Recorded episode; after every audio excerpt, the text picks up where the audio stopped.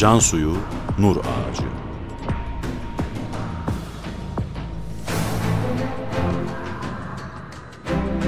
Metin Yusuf Ziya Özkan. Yöneten Ömer Parlak.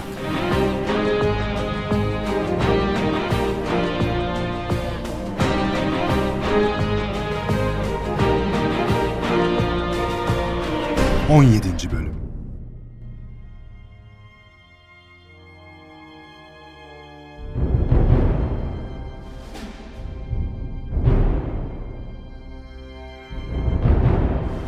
Çok geçmeden Balkan Harbi patladı. Kosova'daki üniversite istila edildi. Bediüzzaman o 20 bin altın lirayı Şark Darülfünunu için ister. Kabul ederler. Bin altın lirayla Van'a gelir. Van Gölü kenarında temelini atar. Fakat bu defada harbi umumi çıkar. Nasip işte. Bediüzzaman'ın Kosova gezisini biraz daha takip edelim.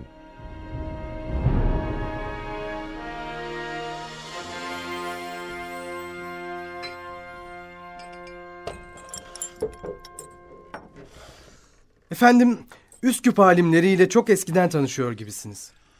Aynı kaynaktan beslenenlerin tanışık olmasından daha tabii ne olabilir? Bir tek Allah'ın kullarıyız. Peygamberimiz bir, dinimiz bir, kültürümüz bir, medeniyetimiz bir. Buradaki alimler sizi gerçekten tanıyor ama. Her nasılsa namınızı işitmişler. Biliyorlar. Baksanıza grup grup ziyaretinize geliyorlar. Estağfirullah. Dönüşümüz ne zaman? Sultan Murat Hüdavendigar'ın meşhedi önünde cuma namazı kılınacak. Dönüş ondan sonra.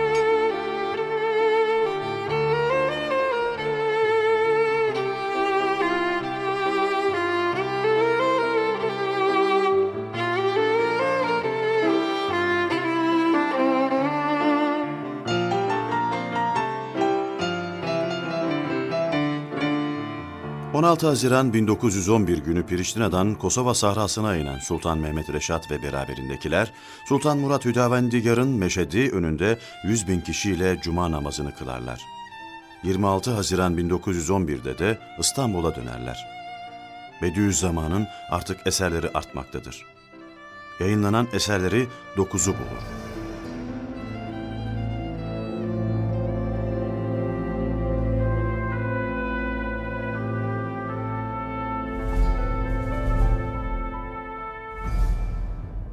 Ortalık yine sis duman. Ne oluyor acaba? Ne olacak? Devlet asıl görevini yapamayınca nasihat eden edene. Balkanlar kaynıyor. Çeteciler Rumeli'yi paylaşmış. Peki görünen ne? Az önce sen söyledin. Sis duman içinde ne görünür ki? Önce Almanlar ihya ediyordu bizi. Sonra başkaları girdi devreye. Kamil Paşa da İngiliz politikasının eteğine mi yapışacak acaba? Abdülhamit Han'ı Selanik'ten getirmişler. Rumeli işgale müsait hale getiriyorlar desene. Pürüz istemiyorlar. Osmanlı Devleti'ni Avrupa topraklarından sürüp çıkarıyorlar kardeşim. İttihat Terakki de yine çetecilikte iktidar peşinde. Hey gidi günler. Yabancı güçler Osmanlı Devleti'nde adam avlama peşindeymiş. İttihat Terakki erkanıyla bu Alman ekabiri kardeş diyorlarmış birbirlerine. Nasıl kardeşlikse bu. Öyleyse ne yapıp yapıp iddiaçıları yeniden başa geçirmek isteyecekler. Bunun için memleketi yakar bunlar.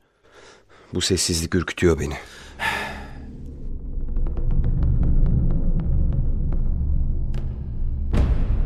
Çok geçmeden Bab-ı Ali baskını patlak verir. Sadaret makamı da, Harbiye Nazırlığı da Hareket Ordusu kumandanı Mahmut Şevket Paşa'nın eline geçer. İttihat Terakkiciler hemen nam kazanmalıdır, ün kazanmalıdır.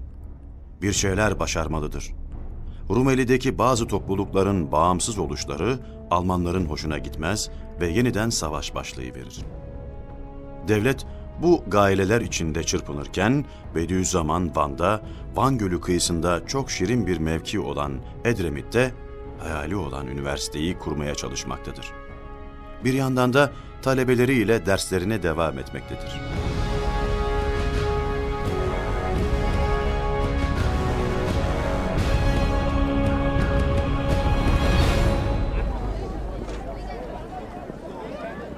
Ne oluyor? Bu kalabalık da ne böyle? Bediüzzaman hayalini gerçekleştiriyor. Şark Üniversitesi'nin temeli atılıyor. Dur dur dur. Vali Tahir Paşa konuşma yapacak galiba. Bediüzzaman'a baksana. Ne kadar mutlu. Pek de güzel giyinmiş. Kibar, nazik, edepli. Ah, onun gibi olabilsek ya. Oo, ziyafet de hazırlamışlar. Birçok alimlerin ilmi deniz olsa onun topuğuna bile ulaşamaz. İşte himmeti ve işte kerameti. İnşallah. İnşallah bu eğitim yuvası bize hayırlı olur. İnşallah. Ya ziyafet ne zaman acaba?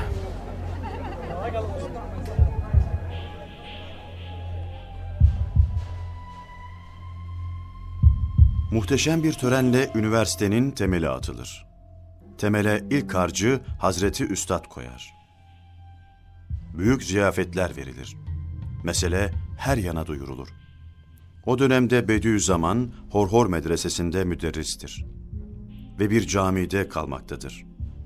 Osmanlı mülkünü ateş sarmıştır.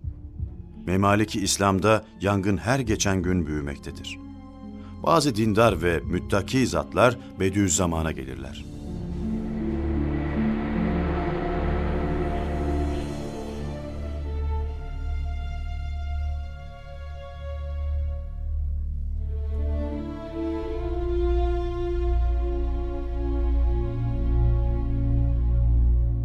Seyda, bazı kumandanlarda dinsizlik oluyor. Gel bize iştirak et. Biz bu reislere karşı çıkacağız. O fenalıklar, o dinsizlikler sadece o gibi kumandanlara mahsustur. Ordu onunla mesul olmaz. Bu Osmanlı ordusunda belki yüz bin evliya var. Ben bu orduya kılıç çekemem. Size iştirak edemem. O zaman hiç kusura bakma. Biz geldik seni davet ettik. Artık başımızın çaresine bakarız. Yanlış yaparsınız. Hariçte bunca düşman orduya saldırırken bir de işten siz mi saldıracaksınız? Bu devlet bu ordu ile bugünlere geldi. Aklınızı başınıza alın. Düşmanlarla aynı şeyi yapmayın. Bazıları dini ayaklar altına alıyorlar ama. Ona ne yapacağız? Bakın, ülke içinde başkaları da devlete ve orduya isyan düşüncesinde. Onlarla aynı yere düşersiniz. Ermenilerin neler yaptığını görmüyor musunuz? Kiminle birlikte hareket etmiş olacaksınız? Kılıç kından çıktı Seyda. Biz ne desek nafile. Bize katılmadığını söyledin tamam. Eh ne yapalım?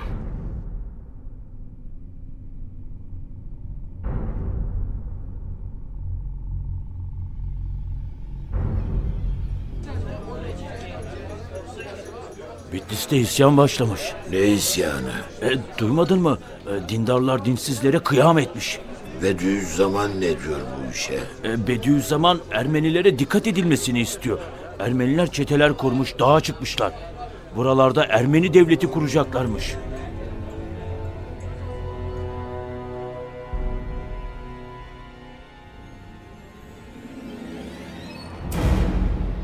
Bediüzzaman, Bitlis ve Van dolaylarındaki Ermeni çetelerinden haberdar olur. Berlin Kongresi'nden beri Ermeniler gemi azıya almışlardır. Olanlara bakılırsa batılı güçler yine tahrik etmektedir Ermenileri. Bediüzzaman bu olaylara karşı tedbir alır. Temin ettiği silahlarla talebelerine askeri eğitim vermeye başlar. Bir gün bir general gelir Horhor medresesine.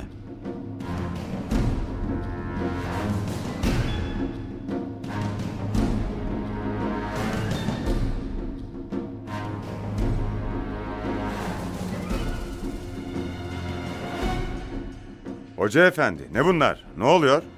Durum karışık görüyorsunuz. Ermeni komitesi, taşnak fedaileri, Bitlis ve Van civarında işi çok azıttılar. Tedbirli olmak icap etmez mi? İcap eder eder de burası medreseden çok kışla gibi olmuş yahu. Talebelerimizle askeri eğitim de yapıyoruz.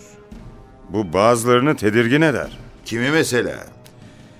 Bitlis hadiseleri ürkütüyor bizi. Bu yanlış anlaşılabilir.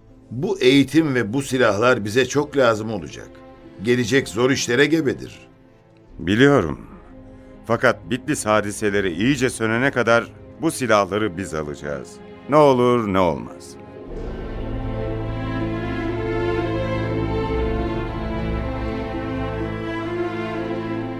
Osmanlı generali Bitlis hadisesi münasebetiyle evhama düşer ve medresedeki 15 mavzere el koyarlar. Fakat bu kez Birinci Dünya Savaşı patlar. Bediüzzaman tüfeklerini fazlasıyla geri alır ve askeri eğitime daha da hız verir. Bu arada Bitlis olaylarının teskininde önemli bir görev ifa eder. yangın büyümeden söndürülür.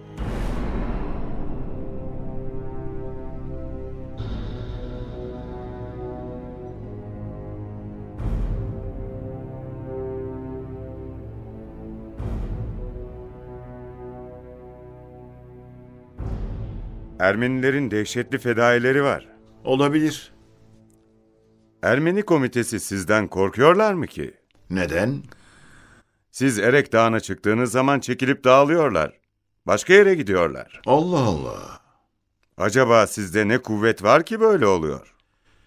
Madem fani dünya hayatı ve küçücük ve menfi milliyetin menfaati ve selameti için bu harika fedakarlığı yapan Ermeni fedaileri karşımızda görünüyorlar. Karşınızda oldukları kesin. Lakin size sataşmıyorlar. Kaçıyorlar sizden.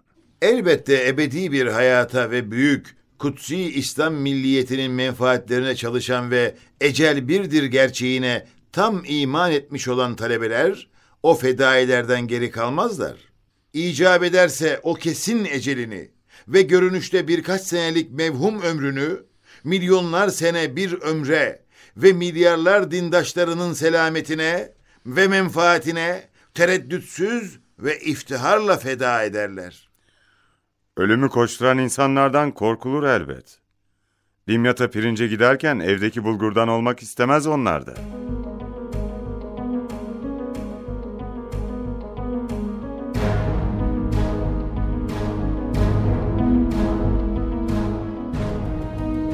Bitlis hadiselerinin büyümeden önlenmesinde fevkalade başarılı olan Bediüzzaman, fedakar ve yiğit talebeleriyle Ermeni komitelerini de bir derece etkisiz hale getiriyordu.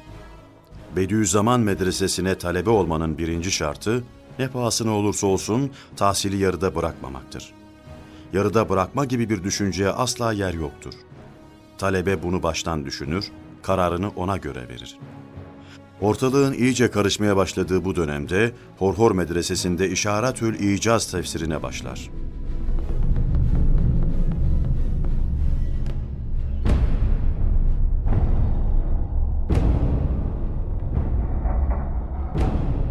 Büyük ve umumi bir zelzele yaklaşıyor. Hazırlanınız. Bir büyük infilak olacak. O infilak ve inkılaptan sonra Kur'an'ın etrafındaki surlar kırılacak. Doğrudan doğruya Kur'an kendi kendini müdafaa edecek ve Kur'an'a hücum edilecek.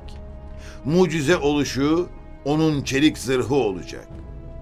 Ve şu icazın bir yönünü açıklamaya, izah etmeye haddimin üzerinde olarak benim gibi bir adam namzet olacak.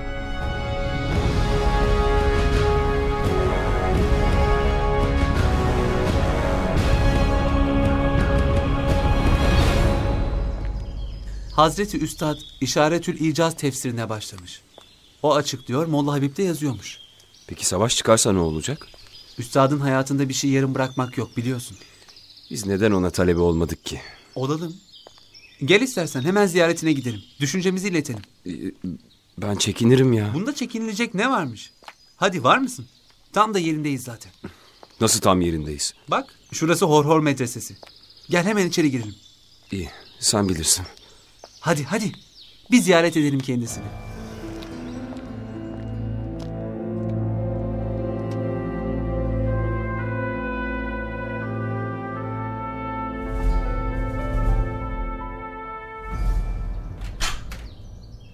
Buyurun.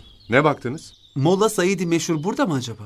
Hoca efendi şu anda yok ama biraz sonra gelir. Buyurun içeri geçin. Biz kiminle konuşuyoruz acaba? Benim adım Habib. Molla Habib siz misiniz? Duvarlara baksana. Asılı bir sürü mavzer var.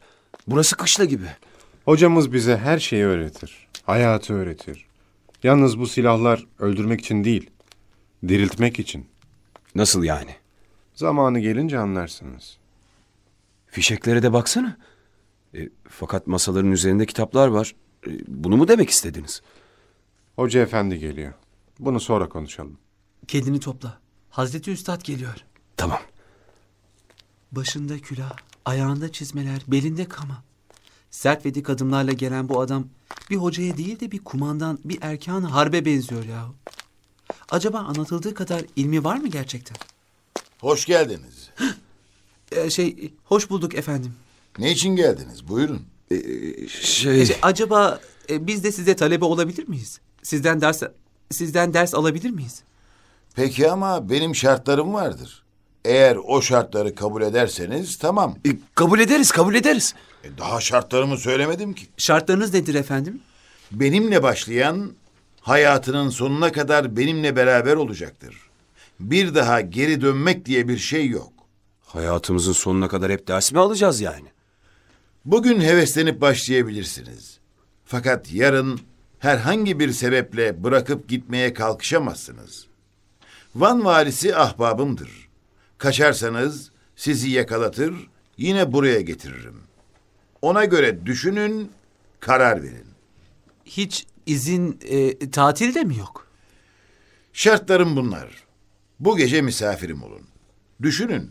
Sabaha kadar kararınızı verin.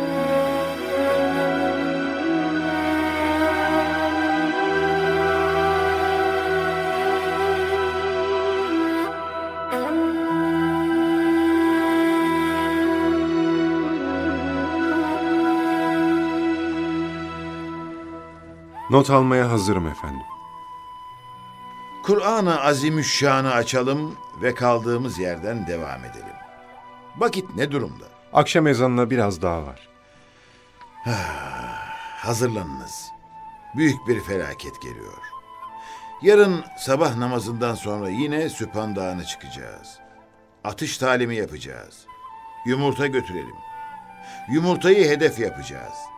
Hedefi vuran bir mecidiye ödül alacak. Ne dersin? Bu işleri yapabilecek miyiz? Bilmiyorum. Karar veremiyorum.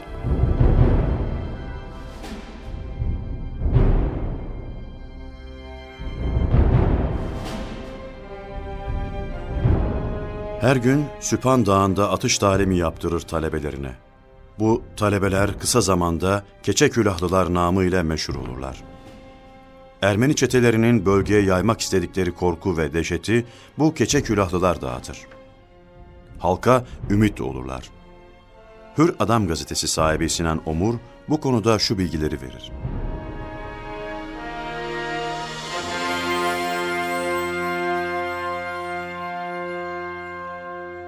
Birinci Cihan Harbi çıktığında biz İstanbul'da talebeydik. Muallim mektebinde okuyorduk.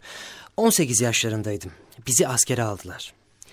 Milis Alayı Kumandanı Bediüzzaman Hazretlerini ilk olarak 1915 Ağustos'unda Süphan Dağı'nda gördüm. Beyaz bir atın üzerindeydi. Oradan oraya at koşturup askerlerin maneviyatını yükseltiyordu. Doğudaki milis teşkilatını Bediüzzaman kurmuştu. Erzak ve silahlarını ganimet olarak düşmandan temin ederdi. Beyaz pelerinleriyle karda görünmeden ilerleyebilirlerdi. 4-5 bin kişilik bu milis teşkilatı keçe külahlılar diye anılırdı.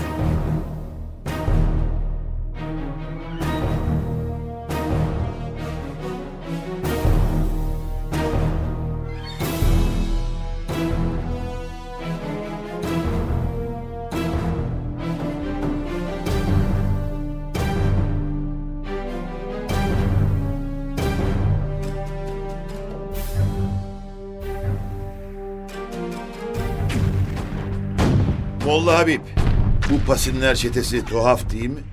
Adama top güllesi atıyorlar. Üç gülle tam başımızın üzerinden geçti üstadım. Bak, arkada dere içinde gizlenen askerlerimiz geri kaçıyor. Biz ne yapalım efendim? Molla Habib ne dersin? Ben bu gavurun güllesine gizlenmeyeceğim. Ben de senin arkandan çekinmeyeceğim. Sen nereye, ben oraya.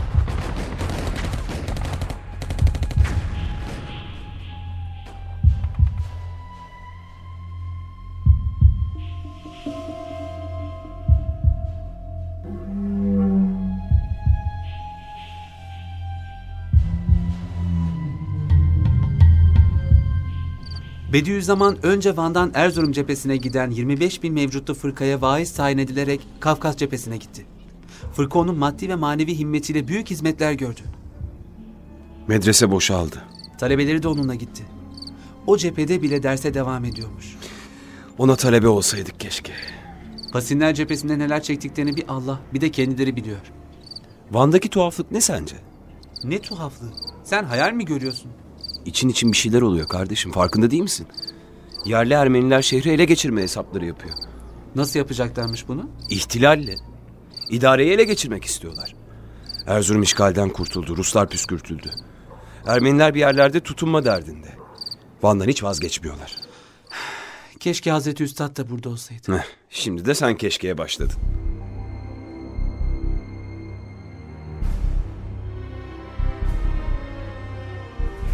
Bediüzzaman Pasinler cephesinden Van'a döndüğünde bir ihtilal olur.